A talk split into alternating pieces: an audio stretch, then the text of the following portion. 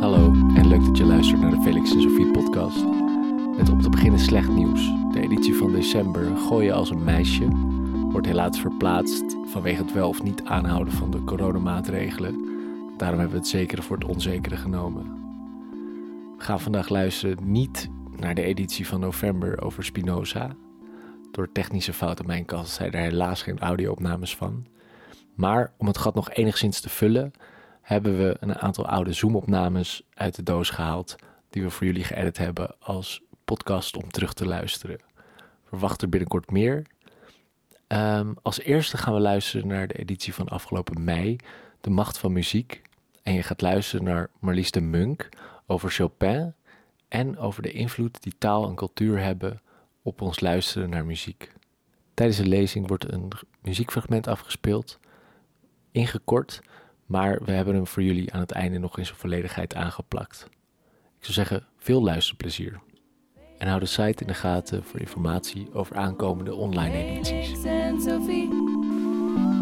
Felix en Sophie. Felix en Sophie.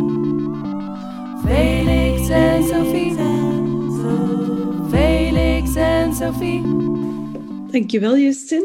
En dankjewel iedereen hier vanavond aanwezig om eh, inderdaad, zoals gezegd, jullie avond te spenderen. Niet al luisterend naar muziek, maar al luisterend naar mensen die spreken over muziek. Het moet een afwijking zijn van filosofen. Ehm, ik ben vereerd met deze uitnodiging en meteen ook, ehm, ook heel blij om eindelijk mijn eigenlijk collega uit Gent, Martin Huvenne, is te ontmoeten. Maar het moet dan op een virtuele manier via Amsterdam gebeuren. Uh, laat ons hopen dat dat is in het echt gebeurt. Ehm, en voilà, ik ben dus ook een beetje eh, benieuwd wat zij zal zeggen straks. En ik hoop dat we niet te veel ofwel overlap hebben of in elkaars vaarwater zitten. Ehm, ik wil jullie inderdaad iets vertellen over uh, betekenis van muziek. En dan wel echt vanuit een filosofische vraag die zo oud is als de straat, zo oud als de filosofie zelf. De vraag naar de betekenis van muziek. Um, in de zin van de puur instrumentale, zogenaamd absolute muziek. Dus niet muziek met een tekst op, want dan zou het gemakkelijk zijn. Um, en ik moet mij excuseren, ik heb een tekst voor u bereid, want um, ik weet, er is een drukprogramma vanavond en ik ken mezelf, ik blijf te lang praten, dus dan raak ik er niet door. Ik ga jullie die tekst brengen.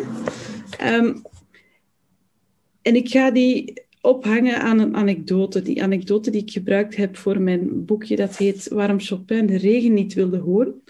En ik denk dat dat voor de muziekliefhebbers onder jullie, of toch sommigen onder jullie, wellicht uh, een belletje zal doorrinkelen waarom ik uh, de, de, woorden Chopin en regen in één titel met elkaar verbind.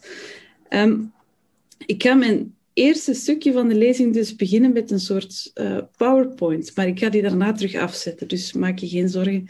Er komt wat afwisseling. Ik ga nu toch eerst proberen om... Ja, als het goed is, krijgen jullie nu... Oei. Het beeld te zien van twee mensen. Um, als iemand zijn, even zijn duim of zo opsteekt, dan weet ik of al... Ja, goed. Prima. Daar gaan we. Dus die absolute muziek, die, uh, die gedachte daarover, wat die zou kunnen betekenen... Um, ik ga straks die vraag verder ontwikkelen. Hè. Um, die hang ik op aan een beroemde anekdote die werd opgetekend door de Franse schrijfster Georges Sand. En die zie je hier links uh, in beeld. Een, uh, foto, een mooie foto van haar jonge jaren. Um, en zij tekende een anekdote op in haar autobiografische werk Histoire de ma vie uit 1855. En dat boek was een echte bestseller. dat had wellicht ook veel te maken met de figuur van Sand zelf die een heel bijzondere, opvallende en vooruitstrevende artieste was, met voor haar tijd zeer feministische ideeën. Um, ze liet zich bijvoorbeeld publiekelijk in uh, mannenkleren zien. Ze rookte sigaren. Ze was een society-figuur uh, in Parijs en omstreken. En ze had een turbulent liefdesleven, waaronder ook um, een relatie met de Poolse componist Frederik Chopin, met wie ze dus bijna tien jaar een affaire onderhield. En het verhaal dat zij optekent, waar ik mijn verhaal aan wil vasthangen, eh, begint in 1838. Um, bij het intreden van de winter troonde Saint Chopin mee naar Mallorca. Chopin was een ziekelijk man um, en zij hoopte dat het warme klimaat hem daar zou aansterken. Maar dat verblijf dat viel grondig tegen, want het regenseizoen was daar begonnen en dat ongure weer uh, bracht uh, voor Chopin alleen meer ziekte. Hij begon de eerste tekenen te vertonen van tuberculose.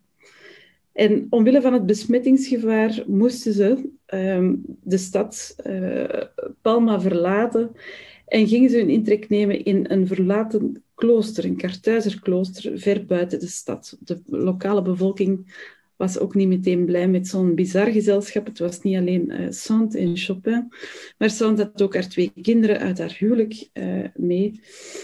Um, en in dat Kartuizerklooster zaten ze dus alleen in een soort kampement. En Chopin werd daar gekweld door angsten en visioenen. Hij was ook heel bijgelovig. En in die toestand componeerde hij verschillende van zijn preludes die uiteindelijk in de opus 28 terecht zijn gekomen. Um, en Georges Sand schrijft dus in haar memoires over een inmiddels legendarisch geworden discussie met haar minnaar. En die discussie is zo niet bedoeld, wellicht, maar blijkt de perfecte belichaming te zijn van dat filosofisch probleem waarover ik het vanavond met jullie wil hebben. Um, en ik lees voor jullie graag even de anekdote voor, want ze heeft ze mooi verwoord. Ik heb ze zelf um, vertaald. Ik kan ze in het Frans opzoeken. Dus ze schrijft... Eén prelude viel hem te binnen. Hem is uiteraard uh, Chopin. Ik moet even zien. Ja. Op een sombere, regenachtige avond. Ze dompelt de ziel in een vreselijke neerslachtigheid. Dus um, jullie hebben al door natuurlijk dat het hier ook een beetje gaat over de taal waarin gesproken wordt over die muziek. Daar gaan we straks op in. Op een ochtend hadden Maurice, haar zoontje, en ik hem in goede gezondheid achtergelaten om te gaan winkelen in Palma. Hem is dus Chopin. Op zoek naar spullen voor ons kampement. De regen viel als een stortvloed over ons heen.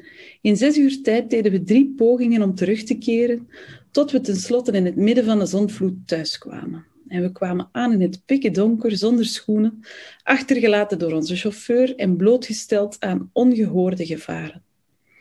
We haasten ons omdat we wisten hoe ongerust onze zieke zou zijn. En inderdaad, hij had zich grote zorgen gemaakt, maar was nu als bevroren in een soort van stille wanhoop. Huilend speelde hij zijn prachtige prelude.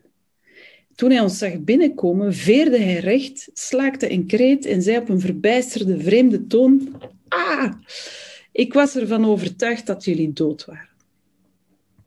En het citaat gaat nog voort. Toen hij weer bij zijn positieve kwam en zag in welke staat wij verkeerden, Georges Sand, die met haar uh, zoon al die gevaren had doorstaan, dan voelde hij, zich, voelde hij zich slecht over de gevaren die we hadden doorstaan. Maar hij bichtte me op dat terwijl hij op ons aan het wachten was, hij dit alles al had gezien in een droom. En niet langer in staat om die droom van de werkelijkheid te onderscheiden, was hij zelf kalm en dromerig geworden. Terwijl hij piano speelde, overtuigd dat ook hij zelf dood was, zag hij zichzelf verdronken in een meer terwijl zware, ijzige druppels ritmisch op zijn borstkas vielen. Toen ik hem attent maakte op het geluid van de waterdruppels die ritmisch op het dak vielen, ontkende hij dat hij die gehoord had. En nu begint de ruzie. Hij werd zelfs kwaad om wat ik had omschreven met de uitdrukking imitatieve harmonie. Daar gaan we straks verder op in. Hij protesteerde fel en terecht tegen mijn naïeve idee dat zijn noden auditieve imitaties zouden zijn. Zijn genie, vol van de mysterieuze harmonieën van de natuur, had hij vertaald in sublieme equivalenten in zijn muziek en niet door een slaafse imitatie van geluiden. En zijn besluit. Zijn compositie die avond was ongetwijfeld vol van regendruppels die resoneerden op de dakpannen van het klooster, maar ze waren misschien vertaald in zijn verbeelding en in zijn muziek in tranen die vielen uit de hemel op zijn hart. U begrijpt, dit is een uh, ronkend romantisch taalgebruik. We zijn 1838. En hier wordt op een bepaalde manier over muziek gesproken die natuurlijk typisch was voor die tijd. En ook die discussie um, zegt heel veel over de muziek die toen geschreven en beluisterd werd. Ik laat jullie nog even een. Dus deze, deze anekdote is beroemd geworden door die uh, Histoire de ma vie, die autobiografie, die later in 1855 uh, gepubliceerd is en heel vaak herdrukt is ook. En mensen waren natuurlijk ook heel geïnteresseerd in de petite histoire van dat koppel, die society-figuren. Hier zie je Chopin in een romantische voorstelling die recht springt als hij zijn geliefde ziet binnenkomen. Het is een heel beroemde scène geworden. Um, en misschien is het niet slecht. Ja, nee, ik zeg jullie er nog iets meer over. Dus eigenlijk in die, in die discussie zie je ze, ze zegt, hij wordt kwaad om wat ik had omschreven als een imitatieve harmonie. Hij protesteerde en het was terecht, schrijft. Dus het was niet zomaar, muziek is niet zomaar een, een, een kopie van de werkelijkheid. Probeert niet zomaar, zoals een onomatopee, als een klanknabootsing, betekenissen uit te drukken door ze gewoon auditief na te doen. Maar ze sluit af met de, de, de conclusie, die avond, die compositie was vol van regendruppels. Die resoneerden op de dakpannen van het klooster, maar ze waren vertaald in zijn verbeelding en in de muziek. En eigenlijk zit hier natuurlijk een beetje zit, zit een grote paradox. Enerzijds eigent ze zich het laatste woord toe in de discussie. Um, door te schrijven daarover, uh, na de dood van uh, Chopin leeft dat verhaal voort. Um, en is er ook een hele zoektocht gekomen waarmee heel veel ook beroemde muzikanten zich zijn gaan boeien om te weten te komen over welke uh, prelude het hier precies ging. Er waren verschillende kandidaten die daarvoor in aanmerking kwamen. Maar uiteindelijk is dan toch uh, de keuze gevallen, om het zo te zeggen. Um, Hans von Bülow, de dirigent, uh, heeft daar een hand in gehad om te zeggen, het was nummer 15 uit opus 28, die het best voldoet aan de beschrijving die je nu net hebt gehoord. En die prelude ging de geschiedenis in um, met de bijnaam de regendruppelprelude. En overal waar dit werk geprogrammeerd staat, ik weet niet of u het ooit al eens live heeft gehoord, maar zelfs als het op de radio wordt gespeeld, um, Meestal krijg je daar op zijn minste vermelding van die naam bij. En vaak in de programmaboekjes um, wordt je ook het verhaal verteld over die discussie met uh, Georges Sand en de reden waarom dit de regen, regendruppelprelude heet. Meestal ook met de toevoeging dat Chopin zelf die interpretatie niet uh, onderschreef, dus betwiste. Maar tegelijk zal u merken, en ik ben een beetje, uh, ik heb, dit is een op, opzettelijke truc. Ik heb gewacht met jullie een stukje te laten horen totdat ik dit verhaal verteld heb. Omdat ik denk dat het lastig is om nu niet te denken aan die imitatie van die regendruppels, waarover we het net gehad hebben. Ik ga jullie een klein stukje van de prelude laten horen, gewoon omdat we anders in het eilen aan het spreken zijn. Ik hoop dat het geluid goed komt. Die krijgt een uitvoering door um, Daniel Trifonov, een fantastische uh, nog redelijk jonge pianist.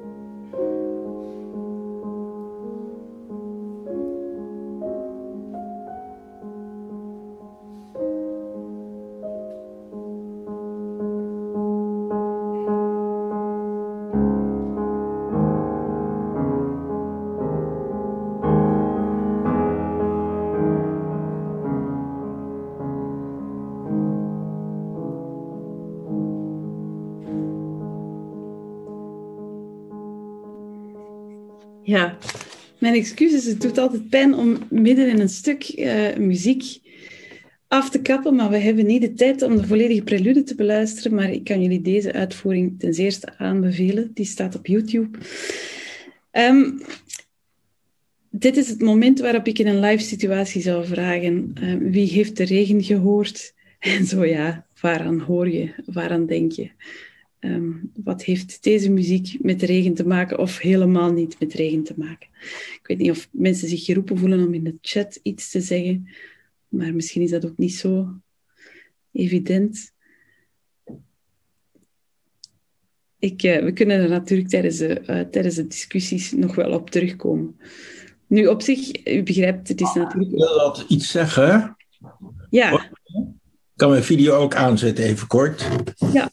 Ik heb deze uh, prelude zelf heel vaak gespeeld. Ja. Uh, ja, het is met name de linkerhand die steeds datzelfde, de achtste of uh, noot, steeds herhaalt. En dat is natuurlijk uh, ritmisch heel interessant. En het akkoorden die bewegen heel langzaam door, maar je, constant hoor je dat dat gaat maar door. Dus dat is ook tempo, om dat constant vast te houden, is best moeilijk. En dan krijg je dus het meer sombere gedeelte. Maar ja, dan licht het daarna weer op. Dan komt het toch een beetje licht door de, zonnes, uh, door de wolken heen. En dan, uh, en nou ja, maar het eindigt weer in hetzelfde tempo. Dus dat is, ja, dat noemen ze dan de, de druppels. Maar ja, dat uh, als kind al dat het zo heet. Maar ik heb nooit geweten dat het, uh, wat u nu heeft verteld, dat het daar vandaan komt. Wel. Ah, ja. Dat is interessant. Bedankt. Oké, okay, dankjewel voor dit uh, schitterende antwoord, want dat is alles wat we nodig hadden om verder te kunnen met onze denkoefening. Dus uh, effectief, hè, um, de repetitieve noot, de gerepeteerde noot, de, je weet, die wordt dan overgenomen soms in de linker, soms in de rechterhand. We gingen nu net beginnen aan het stormachtige middendeel, waarin effectief alles, de emoties hoog lijken op te uh, laaien. Um, maar zelfs doorheen het stormachtige middendeel blijft die noot voortdurend weer klinken. En er zijn natuurlijk meer preludes die in aanmerking kwamen omdat ze soortgelijke um, muzikale ideeën hadden. Um, maar deze prelude lijkt zich daartoe te lenen. Hoewel ook veel mensen tegenwerpen van, maar heel die, die, die doodsangst en zo, dat hoor ik toch helemaal niet in de muziek hier. Bon, het is maar een verhaaltje. Um, om te zeggen waarom maakt een componist hierover ruzie met zijn minares? Omdat er iets op het spel stond, natuurlijk. Um, en je zou, het is mooi dat het hier om een schrijfster en een componist gaat. Die zou je kunnen zien als een verpersoonlijking van het woord enerzijds en de muziek anderzijds. bij uitbreiding, jullie weten het woord, de logos, die ook uh, staat voor de ratio en voor uh, het conceptuele denken en de filosofie bij uitbreiding. De taal die veel dichterbij ligt bij het uh, filosofische denken. En de componist die een eigen soortige taal heeft. En sinds eeuwen, eigenlijk dus al, ja, je, vindt dat al terug bij Plato, um, zijn daar discussies over, over wie nu de voorrang moet krijgen, de taal of de muziek. Het is een soort van concurrentiestrijd geweest doorheen de westerse uh, muziekgeschiedenis. En van oudsher wilde het woord de muziek beteugelen. Um, ik kan daar nu niet te diep op ingaan, maar dat is bijvoorbeeld in de geschiedenis van de, het gebruik van muziek in de kerk heel belangrijk geweest. Uh, maar ook in, in, in de renaissance, in uh, de camerata, in heel veel periodes van de, de zogenaamde kunstmuziek waren er discussies over moet muziek niet beter begeleid worden door het woord, want anders is het een holle kunst of een betekenisloze kunst of misschien een gevaarlijke kunst, een lichamelijke kunst die moet beteugeld worden. En dat is een kat-en-muisspelletje. En het blijkt ook zo dat componisten daar uiteindelijk heel vaak inspiratie aan hebben uh, ontleend om net aan die taal te gaan ontsnappen of door het tegenovergestelde te gaan doen. Um, en eigenlijk ging heel die strijd, zou je kunnen zeggen, of dat is één lezing daarvan, van in het begin over een filosofische vraag. En dat is dus die vraag, wat kan een muziekstuk, zuiver instrumentaal dan, zonder het woord, op zichzelf uitdrukken? Kan een muziekstuk iets uitdrukken? uitdrukken? Of je kan het anders zeggen, wat is de betekenis van muziek? Een betekenis moet je dan natuurlijk niet opvatten als in de betekenis van taal, want dan heb je er terug een taal van gemaakt. Um, is muziek in staat om op zichzelf zaken uit te drukken, zoals emoties, of stemmingen of natuurgeluiden, misschien zelfs verhalen? Of heeft ze daar de taal voor nodig? En welke rol speelt de taal dan, en bij uitbreiding dus ook concepten en theorieën, in onze ervaring van de muziek? Ehm, en het is duidelijk dat achter deze vragen ook nog een andere lastige vraag schuilt. Ik denk dat Justin er al over begonnen is. Eh, namelijk op welke manier kunnen we die betekenis van muziek onder woorden brengen? Is dat niet bij voorbaat een uh, hopeloze onderneming? Um, op welke manier kunnen we aan elkaar duidelijk maken wat muziek voor ons betekent? En is die kwestie op zich misschien intrinsiek verbonden met die vraag naar het verband tussen theorie enerzijds en de muzikale ervaring anderzijds? Um, en het is denk ik algemeen geweten dat veel filosofen hebben geargumenteerd dat het gewoon niet mogelijk is om op een zinvolle manier over muziek te spreken. En in die zin had u vanavond beter naar het Eurovisie Songfestival geluisterd dan naar mensen die dat dan toch proberen. Um, de Franse filosoof Roland Barthes bijvoorbeeld, die begint zijn beroemde essay Le Cran de la Voix, de korrel in de stem, met de vraag hoe slaagt taal er dan in om muziek te interpreteren? En zijn antwoord is kort en krachtig, helaas heel slecht. hij was zelf niet bepaald onbegaafd met taal. Um, volgens hem kunnen wij ons enkel bedienen van een aantal adjectieven. We zeggen dan de muziek is mooi, of zacht, of vrolijk, of weemoedig, enzovoort. Maar, zegt hij, wat hebben we dan eigenlijk gezegd? Wat is dat voor een saaie en rudimentaire manier om iets te vatten dat zoveel en oneindig veel rijker en dieper en genuanceerder is? We moeten daaraf blijven met die taal, met andere woorden. Um, en nogthans kijken we er niet, niet van op wanneer iemand in een heel bloemrijke taal over muziek spreekt. Um, een voorbeeldje is een interview dat ik las met de Belgische psychiater Dirk de Wachter. Um, die interviewde Philippe Herwegen, de um, dirigent. En nee, wacht hoor, wie is het nu? De, ja, het is Herwegen die tegen de wachter zegt over de muziek van Mahler, van Gustav Mahler. Bij Mahler is het grondgevoel niet zozeer dat hij bang was om te sterven. Dat was hij wellicht ook wel, zoals ieder ander. Maar net daardoor is er dat verklankte besef dat het leven zo mooi is, de lente zo prachtig en dat wij weg moeten. Dat is heel mooi geformuleerd. Dus er is een verklankt besef dat het leven mooi is, de lente prachtig en dat wij weg moeten. Dat is op zijn minst gezegd een zeer gelaagde emotie. Um, een soort van existentieel besef dat hij toeschrijft aan die muziek. En ik denk, als ik zoiets lees, word ik nieuwsgierig om die muziek te horen. Maar tegelijk kan je je natuurlijk afvragen, hoe in godsnaam hoor je zoiets in zuiver instrumentale muziek? Hoe kan dat? Dat kan niet zonder taal. Je kan niet zoiets... In, waar zit dat dan? In, waar zit dat bitterzoete besef over die verstrengeling van het leven en de dood? Waarin kunnen we dat horen? Als je gaat kijken, dan vind je eigenlijk niks anders dan een opeenvolging van frequenties, van trillingen van lucht. Waar zit dat besef? Hoe komen we aan die betekenis? Als het bijvoorbeeld louter een projectie zou zijn, omdat we bijvoorbeeld veel weten over de componist zelf, over zijn biografie, en we projecteren dat dan op die muziek, dan zou je moeten stellen dat alle muziek van Mahler op die manier kan omschreven worden. Want dan is het een eigenschap van de componist en niet van die bepaalde muziek. Maar dat is niet zo, want de ene beschrijving werkt al beter dan de andere. En we kunnen niet eender wat zeggen over eender welke muziek. Um, soms slaat een interpretatie aan, omdat we effectief iets herkennen dat in een interpretatie wordt gezegd.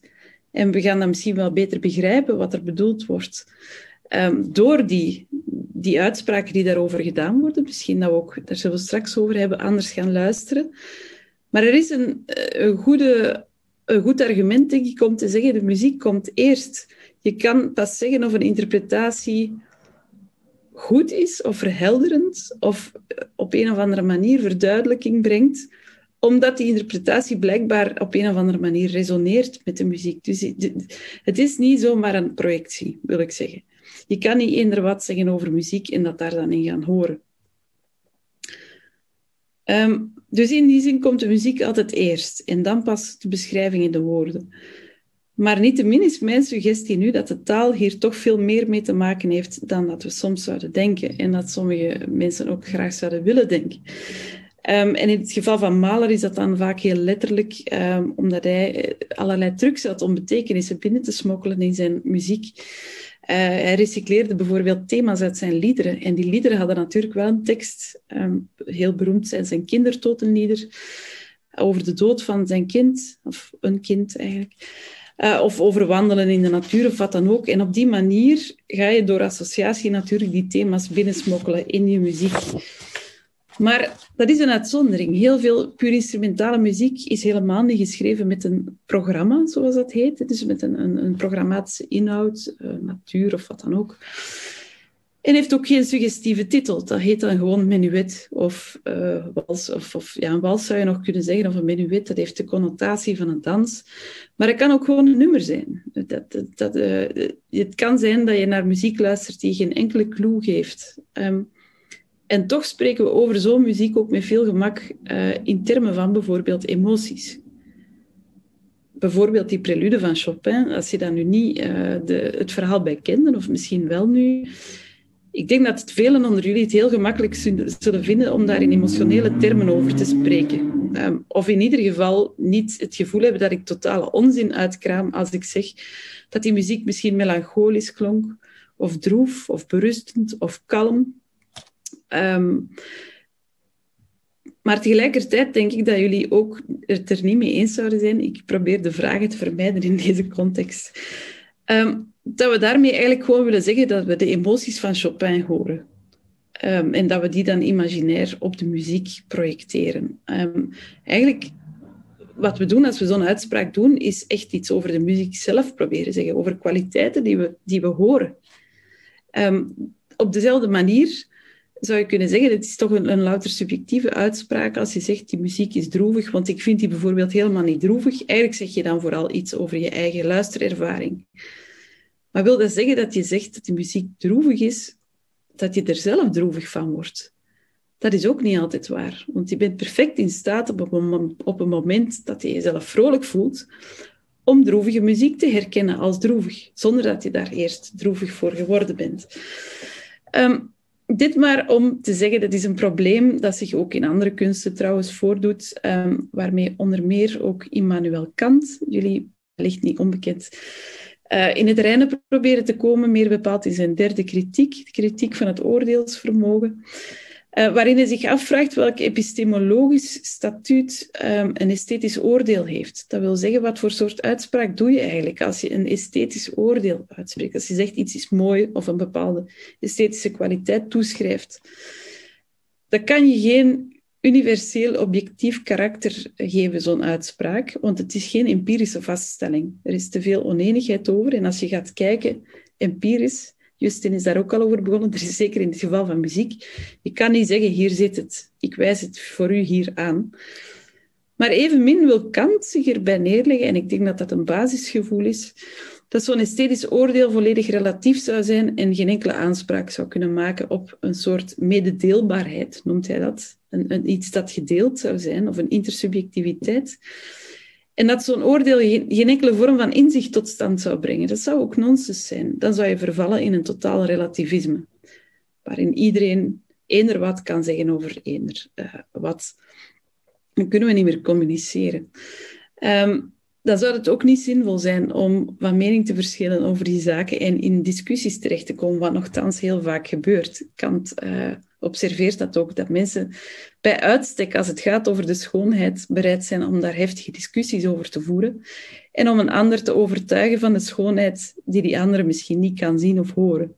En dat je zegt, luister toch nog eens, het is eigenlijk echt fantastisch. Of kijk nu toch nog eens, als je nu dit weet. Um, het lijkt toch zo te zijn dat je daarin een soort van vooruitgang kan maken. En ook in de muziek is dat zo. Lijken we vaak iets universeels te horen dat het hoogstpersoonlijke gevoelsleven te boven gaat. En als we muziek melancholisch of dromerig noemen, dan willen we in de eerste plaats iets zeggen over die muziek zelf en niet over onze eigen gevoelens daartegenover. Um, en dat is uh, ook wat Kant probeert te zeggen. Een, een, esthetisch oordeel maakt een aanspraak op een soort van universaliteit, zoals al weet je op dat moment zelf dat je dat niet kan hardmaken. Je weet dat geuren en smaken verschillen en dat niet iedereen hetzelfde mooi zal vinden. En toch vind je dat er een soort van objectiviteit in dat oordeel aanwezig is. Um, de vraag is dan natuurlijk, hoe ga je dat uitdrukken? Hoe, wat voor, over wat voor oordelen hebben we het hier? Um, jullie zijn wellicht ook allemaal bekend als liefhebbers van de filosofie met de beroemde uitspraak van de 20e eeuwse filosoof Ludwig Wittgenstein, die een hele generatie en generaties denkers uh, de mond snoerde met zijn beroemde stelling dat we moeten zwijgen over datgene waarover we niet kunnen praten. En de muziek behoort daar ook toe. En dat is enerzijds een, een, geste van bescheidenheid, een filosofische bescheidenheid. Um, ja, we kunnen dat toch niet, we kunnen daar niet achteraan. Dat heeft geen, logisch gezien zijn dat uh, lege uitspraken die je doet. Maar Wittgenstein was ook de broer van een uh, beroemd, zeer goed uh, pianist, Paul Wittgenstein, en was zelf een groot muziekkenner en ook kunstliefhebber. En ja, ik kan me niet van de indruk ontdoen dat het niet alleen een soort filosofische bescheidenheid was, maar ook een soort beschermingsreflex naar de kunsten toe. Omdat opnieuw die concurrentiestrijd um, soms de filosofie en de taal moet beteugeld worden, precies omdat er iets op het spel staat omdat de muziek dreigt daaronder te lijden. En dat is natuurlijk interessant, want wat is het dan dat die taal doet? Um, ik verwijs nog naar een andere denker, gewoon omdat ik... Uh, het is een fantastisch boek dat hij heeft geschreven. De Franse filosoof Vladimir Jankelevich, als jullie hem kennen. Um, die schreef een boek, schreef heel veel boeken, maar één boek heet La musique et l'ineffable. De muziek in het onuitsprekelijke. Het onuitsprekelijke is een typische term met een hele lange religieuze connotatie. Um, en hij argumenteert dat de betekenis van muziek ineffabele is. Het is onuitspreekbaar, of onuitsprekelijk. Um, en tegelijkertijd spendeert hij duizenden woorden, pagina na pagina, aan beschrijvingen van die muziek, waar hij zoveel van houdt en waar hij voortdurend van zegt dat hij ze eigenlijk niet ja, kan uitspreken. Dus dat lijkt een, een absurde onderneming. Waarom doen al die filosofen dat? Omdat het niet zonder reden is. Dat is wat ik hier wil beargumenteren omdat ons schrijven en ons spreken over muziek en de manier waarop we over muziek denken, ten eerste, heel nauw met elkaar verbonden zijn, maar op hun beurt ook heel nauw verbonden zijn met de manier waarop we muziek ervaren. Muziek maken, muziek interpreteren, waarop we luisteren. Taal heeft een rechtstreekse invloed op die manier op de betekenis van muziek, zoals die zich aan ons voordoet in de luisterervaring. En nu gaan we wel naar een belangrijke, maken we een belangrijke stap die volgens mij straks door Martine veel verder wordt uitgewerkt. Um, naar het feit dat zich heel dat betekenisfenomeen afspeelt in de ervaring en alleen maar in een ervaring kan afspelen, want er bestaat geen muziek buiten de ervaring van die muziek. Um, en die ervaring, zou ik zeggen, is nooit een zuivere klankervaring. Um, die speelt zich niet af in een vacuüm. Die is gemedieerd door een cultuur waarin je bent opgegroeid en door de concepten die je denkt bepalen. Door de manier waarop je hebt leren luisteren naar muziek, um, door alles wat je al weet over muziek, wat je denkt over muziek, door alle muziek die je ooit al hebt gehoord, alle tekst en uitleg die je daarover hebt gekregen, zoals bijvoorbeeld nu dit verhaaltje over uh, de regendruppels in het Kartuizerklooster. En dit is precies de reden waarom Chopin zo kwaad werd daarom hij het lastig vond dat Sand enkel oor had voor het geluid van die regen dat in zijn prelude leek te weerklinken. Um, op een heel bazaal niveau drukt taal, dus die omschrijving van Sand, een stempel op de muziek, net zoals een zogenaamd programma dat kan doen. Door bijvoorbeeld te verwijzen naar uh, pastorale scènes of naar natuurelementen of heroïsche verhalen, tijluilenspiegel schilderijen, tentoonstellingen en wat nog allemaal. Je kan er voor of tegen zijn, maar het valt eigenlijk niet te ontkennen dat de taal zelf er dan voor zorgt dat die muziek een bepaald soort betekenis gaat krijgen. Al was het maar dat je er tegen probeert te verzetten. Dus ook de puur instrumentale muziek krijgt als het ware een soort van filter door de manier waarop je begint te luisteren naar die muziek. En doorgaans worden de voorstanders van de zogenaamde absolute muziek, dat is dan de tegenhanger van de programmamuziek, die worden hier een beetje opstandig van. Um, zij beweren net dat er zoiets is als een puur muzikale schoonheid. Een dimensie van een zuiver vormenspel, dat de muziek is. Ehm, en dat je dat nu net eigenlijk, uh, ik ging een Antwerpse uitdrukking gebruiken, naar de knoppen helpt, uh, dat je dat kapot maakt. Um, door al die verhalen die je vertelt over muziek. Um, door te, ervan uit te gaan dat er altijd meer zou moeten zijn. Dat er zoiets zou moeten zijn als een betekenis, waar dat die muziek op een of andere manier naar zou verwijzen of zou tot stand brengen. Dat is een fout waarin de Amerikaanse essayiste Susan Sontag, die jullie misschien wel kennen, de strijden trok in haar beroemde essay Against Interpretation. Um, zij, zij uh, bestrijdt of zij strijdt tegen die eindeloze neiging om alles altijd maar te willen interpreteren. Um, en ik volg haar daar voor een groot deel in, maar ik denk, de, de, dimensie van het probleem die ik hier wil belichten vanavond, is dat er een culturele dimensie aan zit en dat ook die zogenaamd pure of muzikale ervaring, die zeker bestaat, de pure muzikale ervaring, dat die helemaal niet zo zuiver of absoluut is als men uh, sinds de hoogdagen van de romantiek heel graag gelooft. Um, hoe graag men dat ook wil, er is geen juiste of objectieve of wetenschappelijk correcte interpretatie van muziek. En er is ook geen onbevooroordeeld standpunt van waaruit je naar muziek kan luisteren. In de filosofie heet dat, er is geen view from nowhere, maar er is eigenlijk ook geen uh, listening from nowhere. Je bent altijd al vanuit een bepaald cultureel, historisch, maatschappelijk standpunt aan het luisteren. De poging om toch naar een zuivere, absolute klankervaring te gaan, is op zich al een diep cultureel uh, beïnvloede poging om abstractie te maken van bepaalde zaken. Dat is iets waarvoor je eigenlijk ook vaak moet trainen, je oren moet trainen. Um, en om die reden denk ik dat het verkeerd is om te denken dat taal niks te maken zou hebben met die zuivere muzikale ervaring. Natuurlijk is het niet zo dat alle muziek betekenis ontleent aan een tekst die haar begeleidt of aan zo'n verhaaltje zoals dat van Sant. Maar de muziek en de luistercultuur waarin ze tot stand komt, is door en door gemedieerd door taal. Historisch gezien heeft de literatuur daar ook een bijzonder grote rol in gespeeld.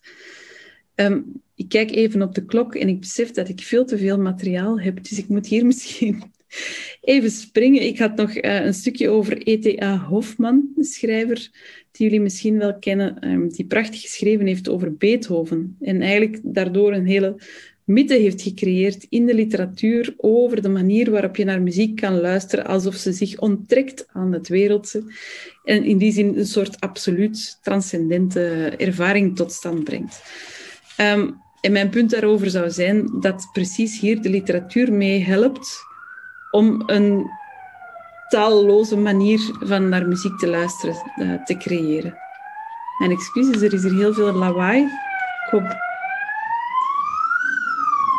dat jullie daar niet te veel last van hebben. Ik ga naar mijn conclusie. Um, Chopin's protest was dus helemaal niet onzinnig en helemaal niet overdreven puriteins. Uh, of schoon waarschijnlijk Sand veel heeft geholpen om zijn muziek populair te maken. Maar een verhaal zoals dat van Sand beïnvloedt absoluut wel de luisterervaring, zelfs al was het dus maar dat je er tegen wil verzetten. Um, wat Chopin misschien niet zag, is dat zulke beschrijvingen ook mogelijkheden scheppen voor een betekenisvolle muzikale ervaring. En bij veel luisteraars verhoogt zo'n verhaal of een uitleg over muziek precies de focus op bepaalde elementen in de muziek. Um, ik kan me voorstellen, als u dit nu nog eens uh, hoort, dat u nu precies gaat luisteren naar die gerepeteerde noot. Naar de manier waarop nu, die, noem het dan een regendruppel of wat dan ook, doorheen heel die prelude zal klinken. En zoiets kan wel een opstap zijn om op een aandachtige en geconcentreerde manier naar muziek te gaan luisteren. Um, en het is ook de reden waarom zoveel mensen bezwaren hebben geuit tegen die programmatische interpretaties van muziek. Um, omdat ze zeggen, ja, die, die programma's of die, die verhaaltjes, die kunnen zodanig tot de verbeelding gaan spreken, dat ze te opdringerig worden. En ze laten de luisteraar nog maar weinig ruimte om op een andere manier te gaan luisteren. En de kunst is dan ook om daar voorbij te leren luisteren. Dat is het standpunt van de Amerikaanse filosoof Susan Langer, die zo'n programma's of verhalen of betekenissen die worden toegeschreven, omschrijft als een scaffolding, een stelling Uh, zoals je een stelling bouwt aan een gebouw, om dat gebouw op te bouwen, zegt ja, je kan dat gebruiken. Denk bijvoorbeeld uh, verhaaltje van Peter en de Wolf, hoe kleine, kleine kinderen leren luisteren naar muziek. Maar op een bepaald moment zegt ze, moet je die stelling weghalen. Je moet leren luisteren zonder stelling. Ik wil daar tegenover plaatsen, ik denk dat dat niet verkeerd is als je dat wil doen, maar dat het een illusie is om te denken dat je stellingloze gebouwen kan hebben. Je bent altijd al met een of andere scaffolding aan het uh, werk. En ook een zogenaamd objectieve beschrijving, ik zeg maar iets in termen van de formele of de harmonische structuur van een werk, heeft het effect van zo'n scaffolding. Je stuurt de luisteraar in een bepaalde richting. Um, heel veel mensen die muziek voortstuderen, kunnen... Ik heb bijvoorbeeld een echtgenoot hier thuis, die kan alleen nog maar in, in harmonische progressies luisteren naar muziek. Dat is nu eenmaal wat hij, wat doet en waar hij naar heeft leren luisteren. Die analyseert werk. Um, en zo'n analyse is dus net zoals een narratieve beschrijving ook een manier om tot een betekenisvolle ervaring van de muziek te komen. Um, en hier wil ik dan mijn punt maken waar ik denk dat uh, misschien uh, de volgende lezing mooi op aansluit. Dat wil zeggen dat je enkel over muzikale betekenis kan spreken in die ervaring, hoe ze ook bemiddeld is. Uh, dat wil zeggen dat ook die betekenis die ontstaat en die vergaat telkens met de muziek zelf, die altijd in de tijd zich afspeelt. En wat overblijft is misschien die scaffolding, is het verhaaltje. Maar dat verhaal kan natuurlijk niet, zoals Jean Kerevich en Wittgenstein en zo hebben beweerd, die muzikale betekenis vervangen. Dat kan geen vertaling zijn. Um, ik sluit af met mijn uh, stelling dat dus taal wel degelijk een belangrijke rol speelt in uh, de betekenis van muziek, maar niet door er gewoon een, muziek, een betekenis aan toe te schrijven, maar wel door ons concepten en benaderingen aan te reiken waarop we naar muziek kunnen leren luisteren en die ons het mogelijk maken om bepaalde um, muzikale ervaringen te hebben die we als betekenisvol ervaren. Ik zou dan ook willen zeggen dat uh, tegen Wittgenstein laat ons niet stoppen met te spreken en te schrijven en na te denken over muziek, want ik denk dat dat een verrijking kan zijn, um, die natuurlijk nooit de pretentie mag hebben om de muziek zelf te vervangen. Goed, ik ga hier afsluiten. Dank jullie wel voor het luisteren.